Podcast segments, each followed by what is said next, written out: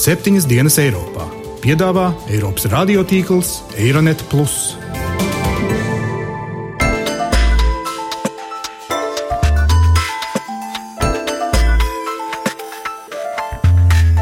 Šonadēļ septiņas dienas Eiropā dzirdēsim. Let us not be naive. ir politisks spiediens kaut ko darīt. Sāk iezīmēt eiroskeptiskas tendences. Eiropas Savienībai arī pie šo jautājumu jāpiestrādā.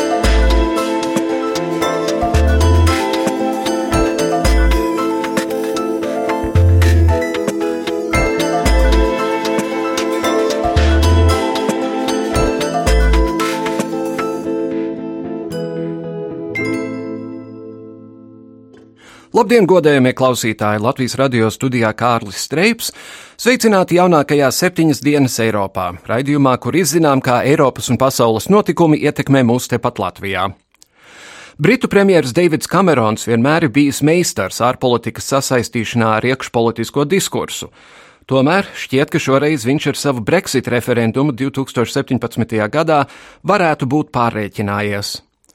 Kamerons ieradās Briselē uz Eiropadomes sanāksmi, kur cerēja pārliecināt skeptiski noskaņotos Eiropas Savienības valstu vadītājus pieņemt viņa Savienības reformu plānu. Plāns nepieciešams, lai pārliecinātu savus vēlētājus, ka viņš kaut ko dara, lai ierobežotu imigrācijas līmeni. Nesenā aptaujā konstatēts, ja Kamerons nepanāks Eiropas Savienības līderu piekāpšanos, tad 45% britu gatavi balsot par Brexit un tikai 40% atbalstītu palikšanu Eiropas Savienībā. Diemžēl Eiropas padomas prezidents Donalds Tusks ir teicis, ka dažas no Kamerona prasībām ir nepieņemamas. Tikmēr Žants Klauds Junkers un citi Eiropas līderi apgalvo, ka gatavi meklēt citas iespējas, kā varētu vienoties. Tālāk šodien raidījumā spriedīsim par jaunu laikmetu iestāšanos Eiropā. Ko tas nozīmē dzīvot laikos, kad ārpolitika kļuvusi par iekšpolitiku, un tas, kas notiek aiz mūsu robežām, ir lielākā mērā arī mūsu darīšana? Toties vispirms uzklausīsim dažus viedokļus par to, kā ģeopolitiskā situācija spiež Eiropas Savienību dot mājienus Serbijai un Turcijai par iespējamu drīzu pievienošanos Eiropas valstu klubam.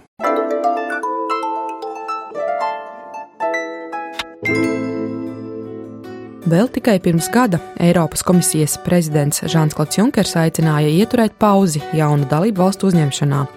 Taču jaunākā bēgļu krīze un Krievijas loma Balkānos ir mudinājusi Savienību plānus mainīt.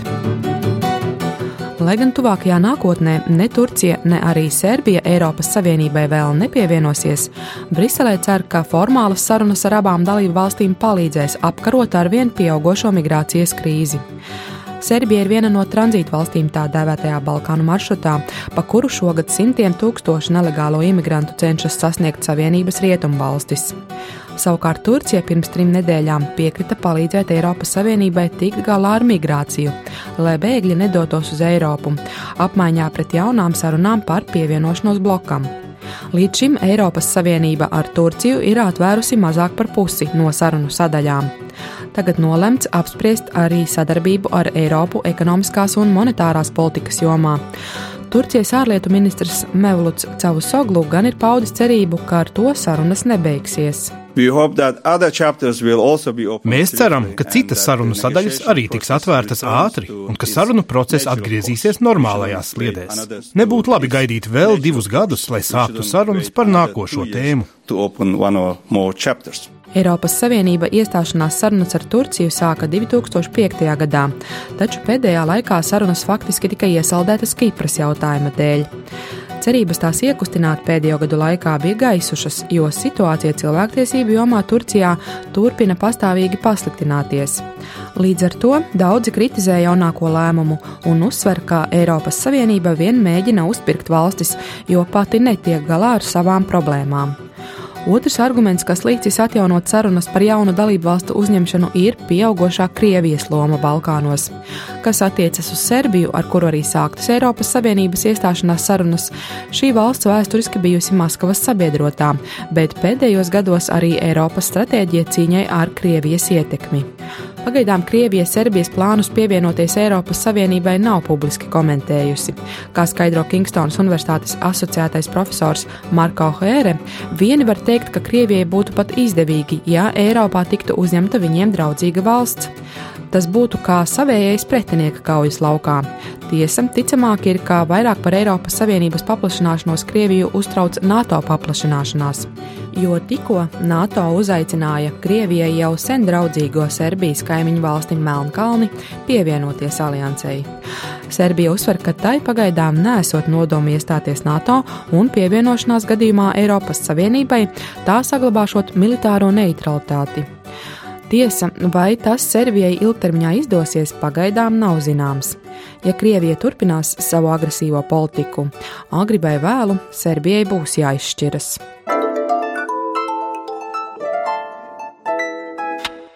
Sīrijas pilsoņkara radītā bēgļu krīze apdraud Eiropas solidaritāti un Schengenas zonas pastāvēšanu.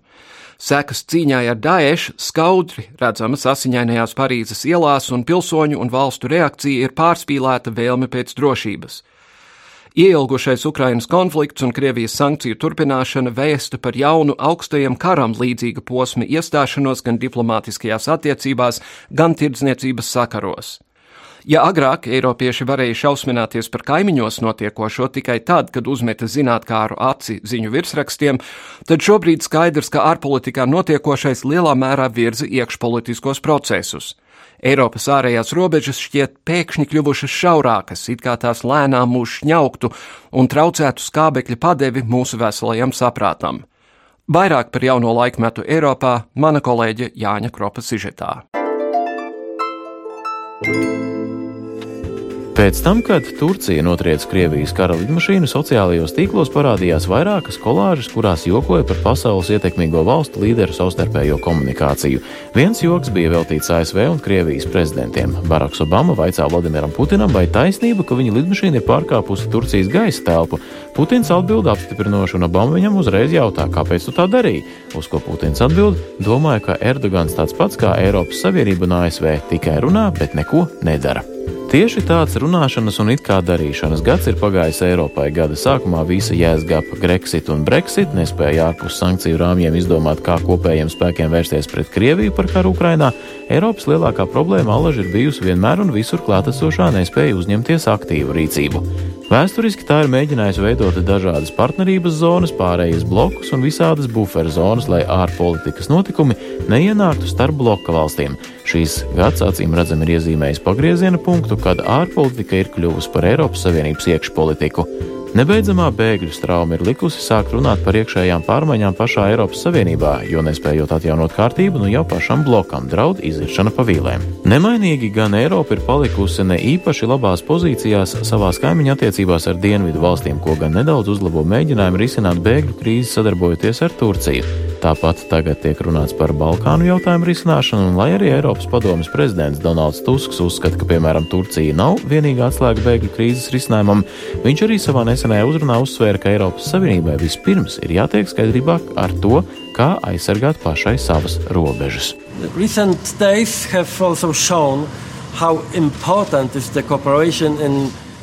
Pēdējā laikā mēs redzam, cik svarīga ir sadarbība ģeopolitiskajā un strateģiskajā kontekstā.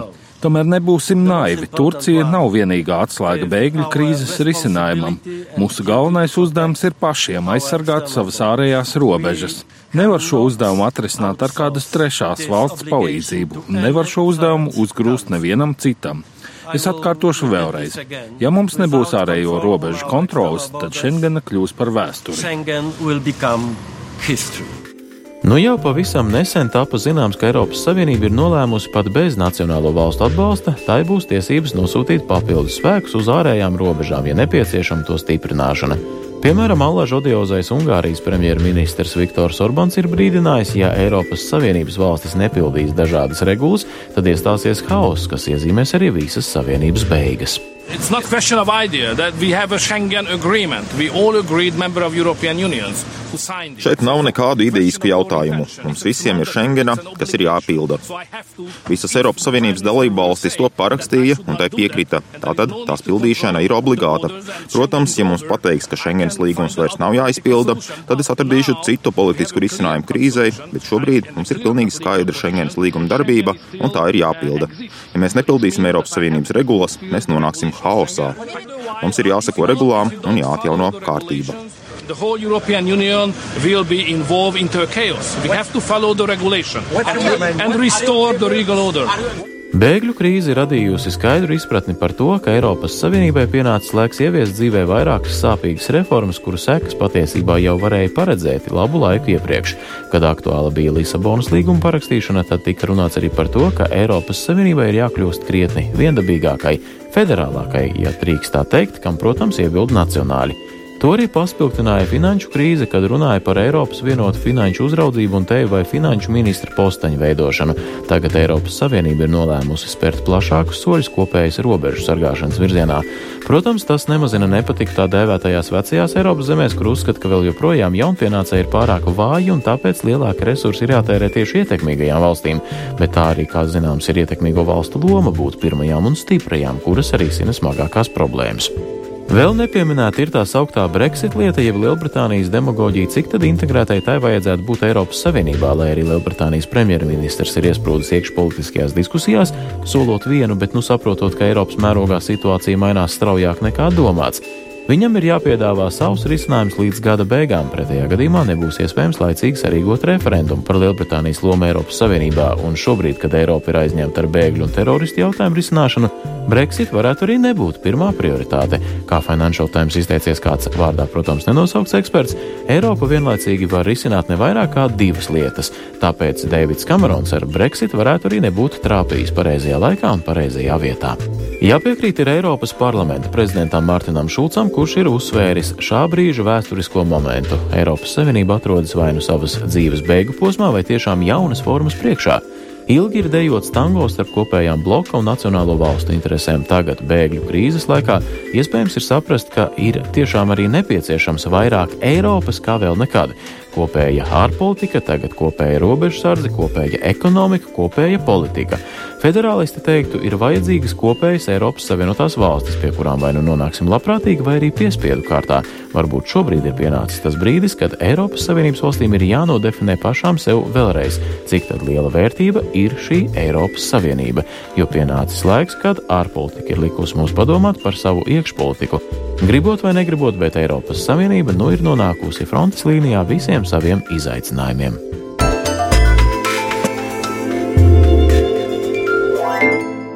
Lai spriestu, ko nozīmē dzīvot laikmetā, kad ārpolitika kļuvusi par iekšpolitiku, un vai vecie labie miers virs zemes un cilvēkiem labs prāts laiki nekad vairs neatgriezīsies, studijā esam aicinājuši Saimas ārlietu komisijas priekšsēdētāju Ojāru Kalniņu un Latvijas ārpolitikas institūta direktoru vietnieku, pētnieku Kārli Bukovski. Labdien jums abiem! Labdien! Kā tad tas ir, deputātu kungs?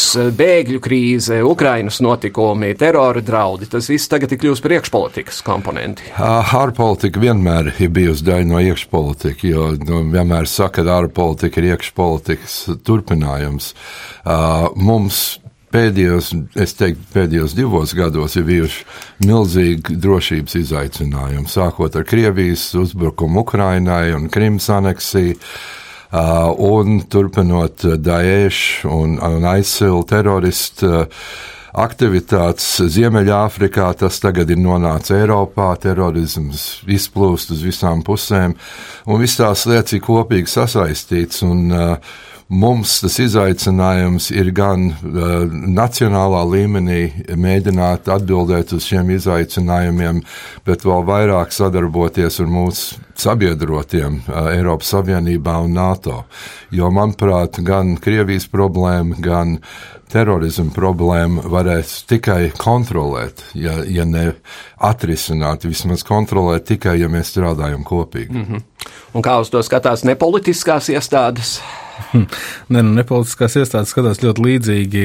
Protams, ka te būtu varbūt tās pirmais komentārs par to, ka nu, tas lielām valstīm sanāk tā, ka iekšpolitika nosaka arī tā kā ārpolitika. No mazām valstīm varbūt tās tāda ārējā dimensija vienmēr ietekmē to uh, iekšpolitiskos faktors vairāk, un to mēs arī noteikti esam redzējuši arī Latvijas gadījumā un arī uh, visos, visos Kalnīga un iepriekš minētajos gadījumos. Vai mēs skatāmies uz Ukrainas situāciju un, un, un, un mēģinājums meklēt diplomātiskus risinājumus, kas varbūt tās uz doto mirkli arī ir kaut kādā veidā, trauslā veidā, bet ir atrasti Ukrainas gadījumā, vai tas pats situācija, kas notiek Sīrijā, kur acīm redzot diplomātiski risinājumi vismaz vienai no pusē, kas būtu Daesh, nu, ir absolūti nepieņemami, un viņi nu, nekādā veidā ne, nevēlētos uz šo iziet, ja vien, protams, starptautiskā sabiedrība neleģitimizētu viņu eksistenci, mm -hmm. ko mhm. starptautiskā sabiedrība, protams, acīm redzama apsvērumu dēļ nekad nedarītu. No, nu ja.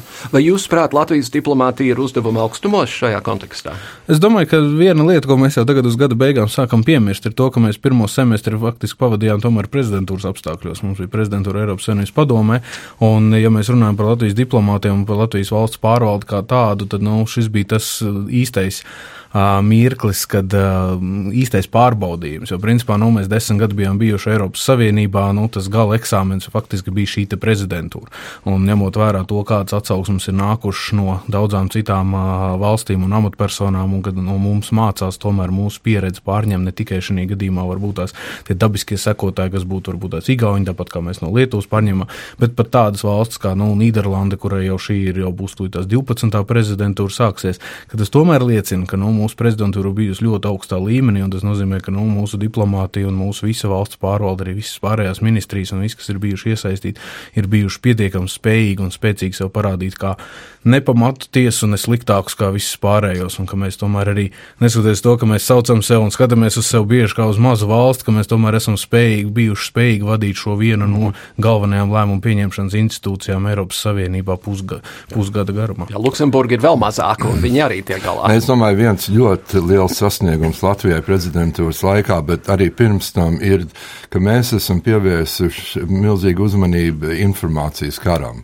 Un, pirms gada izveidojam NATO izcelības centru strateģiskā komunikācijā. Tas strādā pilnā sparā, te brauc no visām Eiropas valstīm. Es nu pat biju Vašingtonā, kur mēs ceram, amerikāņi drīz sūtīs eksperts, kas pēt ne tikai Krievijas propagandu karu, bet Daesh un kā viņi izmanto sociālos tīklus un tā tālāk.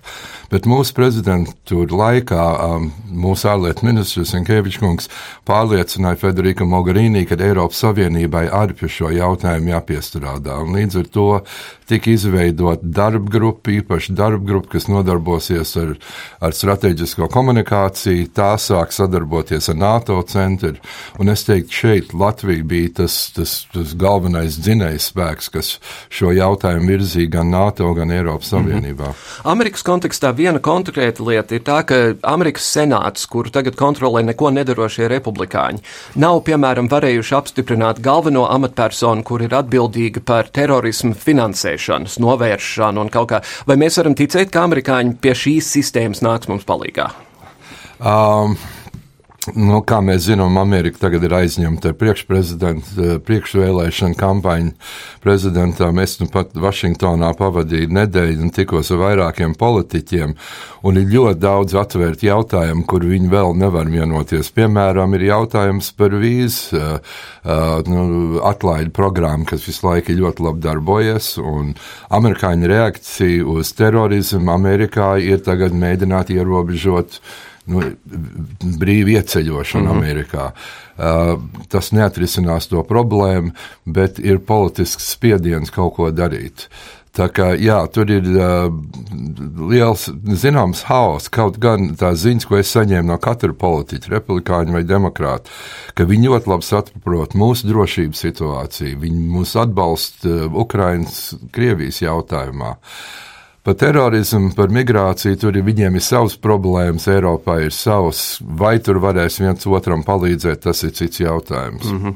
Abukovska kungs, no, no analītiskā viedokļa skatoties, kas būs lielākās ārpolitikas briesmas Latvijai nākamā gada laikā, jūsuprāt? Manuprāt, Ir viena tendence, kas ir iezīmējusies tādā pašā otrajā pusgadā postprezidentūras posmā. Ir tas, ka mums ir attieksme pret Eiropas Savienību dēļ bēgļu krīzes, vai dēļ pašas prezidentūras, vai dēļ um, palīdzības Grieķijai jautājums, kas arī tika pacelts dienas kārtībā diezgan augsts, ka nav ir iezīmējās tendences, ka mums ir atsevišķi uh, politiķi, kas uh, varbūt tās. Uh, sāk iezīmēt eiroskeptiskas tendences arī. Un šis te faktiski ir lielākais izaicinājums, kas mums ir. Tomēr nu, ir jāatcerās to, ka šie alternatīvos modeļus neviens nav piedāvājis Latvijas eksistencē ārpus Eiropas Savienības. Ja kāds domā, ka tas ir tik vienkārši izdarāms, tad noteikti var apvaicāties cilvēkiem, tostarp Kalniņa kungam, kā bija kā bija būt diplomātiem pirms Latvija pievienojās Eiropas Savienībai, cik tas prasa resursus un tā tālāk, un ka šajā gadījumā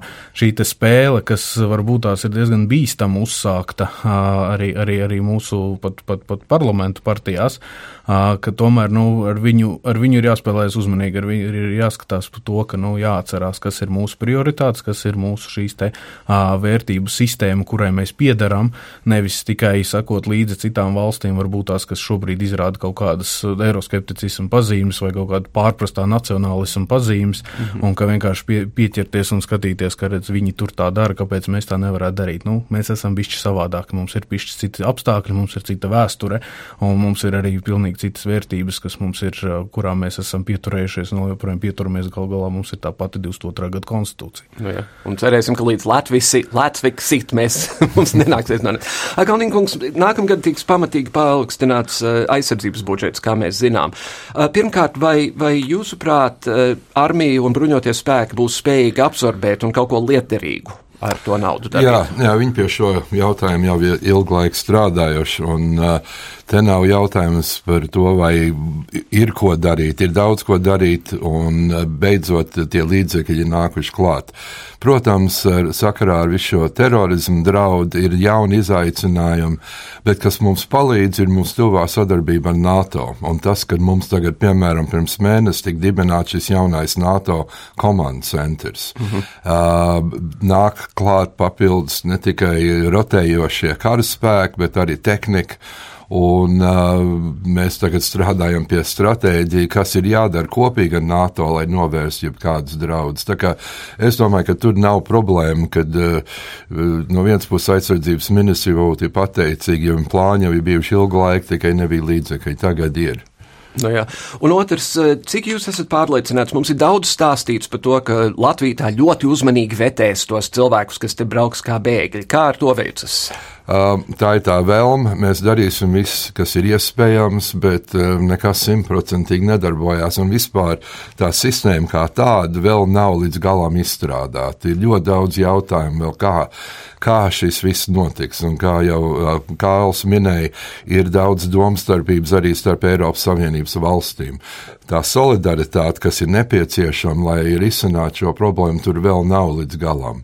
Un, kā, kā vienmēr saka, tā lielā problēma ir pie detaļām, un pie tām vēl jāstrādā. Mēs redzam, ka pēdējās div, divās dienās ir bijis Eiropas padomus samets.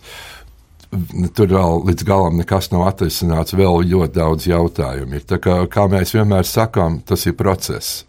Es tikai ceru, ka tas process lēnām iet uz priekšu un nav kaut kur iesaldējies. Mm -hmm. Bukovska kungs, politika ir viena lieta, sabiedrība ir otra. Arī sabiedrībā ir ļoti liela viļņošanās par šo, šo bēgļu jautājumu. Kā, Jā, to, kā nu, to vērtēt? Nē, nu kā, nu šajā gadījumā tas ir, ir dabiska reakcija. No vienas puses dabiska reakcija, no otras puses arī, protams, viņi liek aizdomāties. Jo, nu, katrā gadījumā ne uz katru lietu var vienmēr rēģēt, nē, mēs tā negribam, mēs, to, mēs tā nevēlamies un tā tālāk. Nu, šajā gadījumā tas, ka sabiedrības pirmā reakcija ir par to, ka nē, Mēs īsti nevēlamies nekādus, nekādus bēgļus, nekādus migrantus, nevienu līdzīgu. Tad ir jautājums uzreiz par to, ka, nu, kāds ir šis tēls tiks ticis veidots un kādu ār, ārējie politiķi un mūsu pašu politiķi viņi ir uzturējuši. Ka šajā gadījumā tik līdz bēglis tā uzreiz ir potenciālais daiešu Daesh, Daesh karotājs. Nu, acīm redzot, ja, ja šādā veidā šādas stereotipizācija ir tikusi veicināta politiski iemeslu dēļ sabiedrībā, protams, ka veidojās šis antagonisms, vēlme uh, paust savu nepatiku pret uh, veidojošo situāciju. Tā vietā, lai skaidri un gaiši pateiktu, jā, nu, lūk, mums ir šis cipars jāuzņem solidaritātes pēc, kaut vai atceroties kaut vai tīri elementāri arī to pašu Junkeru pagājušā gada septembra uh, paziņojumu par to, ka, nu, Eiropas Savienība neļaus Krievijai nekādā kādā veidā Baltijas valsts neatkarību aizskart vai kaut ko tam līdzīgu, vai jebkuru citu uh, gadījumu, kad nu, mēs esam tomēr bijuši šī saņemošā uh, valsts arī tajos pašos Eiropas Savienības uh, maksājumos. Tad, nu, šos te faktus ņemot vērā, mums šis solidaritātes aspekts ir jāatcerās. Tad līdz ar to varbūt tās nevajadzētu uzreiz uh, kliegt par to, ka nē, mēs nekādā gadījumā negribam, bet varbūt tās kliegt par to, ka jā, nu, ja mums ir jāņem, jāņem, mēs labprāt viņus paņemsim un arī valodu viņiem iemācīsim un veicināsim mm. latviešu valodas prasmes un tā tālāk. Nu, ka šī gadījumā mēs integrēsim šo potenciālo darbu spēku, cik vien labi varēsim mūsu sabiedrībā, lai viņiem nebūtu vēlmes un nepieciešamības radikalizēties. Atceroties arī to, ka mēs ar Kalniņu kungu abi esam bēgļi bērni. Jā, jā un, un te arī jāuzsver, ar, ka runā par solidaritāti. Mēs tos bēgļus ņemam no citām Eiropas valstīm. Simtiem tūkstošiem ir jau nonākuši Itālijā, Grieķijā, Ungārijā. Un ir kaut kur jau aplūkoti. Viņi jau ir, un te ir runa, vai kaut kādīgi var sadalīt šo nastu, jo viņi vienkārši cieši no tā, ka viņi geogrāfiski tuvāk. Tā kā jautājums nav, ka mēs tagad ņemsim bēgļus no Irākas, Sīrijas vai citurien, mēs ņemam bēgļus no Eiropas lai palīdzētu. Viņam runājam par Itāliju. Itālija sūta karaspēks vai vismaz lidmašīnas, lai apsargātu mūsu gaisa telpu. Mēs lūdzam palīdzību, viņi to pasniedz. Tagad viņi no mums lūdz palīdzību. Ir tas, ir, ko solidaritāte nozīmē, ka mēs viens otram palīdzam, bet mūsu mūs iespēja robežās. Mēs mm -hmm. nevaram darīt vairāk nekā esam spējīgi. Un, laikam, pēdējais jautājums. Kā izskatās jaunās valdības veidošana no šī viedokļa? Ja, piemēram, premjerministrs nāks no salīdzinoši skeptiskajiem zaļajiem zemniekiem, ir, tas ir viens jautājums. Un otrkārt, vai jūs prāt, Rinkevičs kungs paliks par ārlietu ministru arī tālāk? Es ļoti ceru, ka Edgars Rinkevičs paliks par ārlietu ministru, jo, manuprāt, viņš ir bijis viens no labākajiem un spējīgākiem un ļoti iecienītākiem ārlietu ministriem Eiropā. Um, process ies kā tas vienmēr iet, un es ceru, ka līdz jauno gadu viss uh, politiskās kaislības nomierināsies, un mēs nonāksim pie kaut kāda konkrēta risinājuma. Um, es domāju, ka es ceru, ka lielāko daļu paša, pašreizie politiskie spēki saglabās, varbūt daži izmaiņas notiks. Uh, bet, ja sākot, ja runājam par Rinkeviču kungu, es domāju, tas ir ļoti svarīgi, ka viņš turpina šo kursu. Mm -hmm. Un vienotība spēs savākties. Es domāju, ka dažādiem blokiem. Ziniet, vienotība ir ļoti demokrātiska partija, un, un mums lielākā varbūt vaina ir tas, ka mēs to visu izrādām uz āru, kur citi to, to tur aiz slēgtām durvīm. Mēs esam tādā ziņā ļoti atklāti, bet tādā ziņā arī ļoti dinamiski. Mums ir daudz debats, daudz idejas un domas, bet es domāju, ka ar laiku tas viss konsolidēsies. Mm -hmm tā teikt, no jūsu mutes dievalsīm. Kārlis Bukovskis un Ojārs Kalniņš, paldies jums abiem par sarunu un priecīgus svētkus jums abiem. Paldies jums arī. Paldies! Rokleģenda Bobs Dilans jau tālajā 1983. gadā dziedāja: Vakardiena ir vairs tikai atmiņa, bet rītdiena nekad nav tāda, kā iecerēta. Mēs septiņas dienas Eiropā, diemžēl, rītdienu vairs nevaram atcerēties. Enerģētikas ekspertam Jurim Ozoliņam jautājām, vai pēc Parīzes COP21 globālās klimata vienošanās varam gaidīt, ka tomēr Ziemassvētkos kaut kādā atkal būs sniegs. Jāatzīmē, ka COP21 ir, protams, konferenču diplomātijas uzvara ar neredzētu vēl globālu apņemšanos, bet tālāk seko nopietnākie darbi un jāķer pie sniega ražošanas. Šajā nolūkā domāju, ka visinteresantākās lietas notiks Latvijā, jo mums droši vien, ka visvairāk interesē Ziemassvētku Latvijā, bet ne Somijā. Šajā nolūkā būtu jāuzsākās visnopietnākiem darbiem. Sagatavošanās darbi tikpat ironiski, kā jūs man jautājot, ir jau sākušies Latvijā ar apgalvojumu, ka Latvija ir izpildījusi un samazinājusi emisijas salīdzinot ar 90. gadu par 58%. Domāju, ka tas būs mūsu valsts vīru galvenais lozungs un mēģinājums atkal atgriezt sniegu Latvijā. Otkārt, valsts vīri noteikti apsolīs, ka Latvija atgriezīsies arī akmens laikmetā, un mēs būsim pie dabas un uh, izbaudīsim Ziemassvētkus ar pilnu krūti.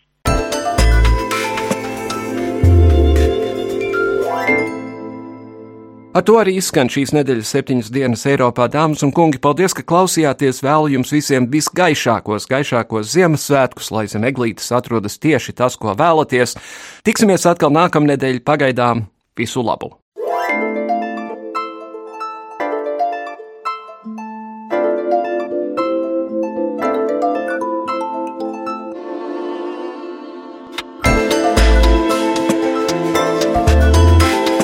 Raidījumu veido Kārlis Streips, Gita Siliņa un Jānis Krops. Producents Lukas Rozītis.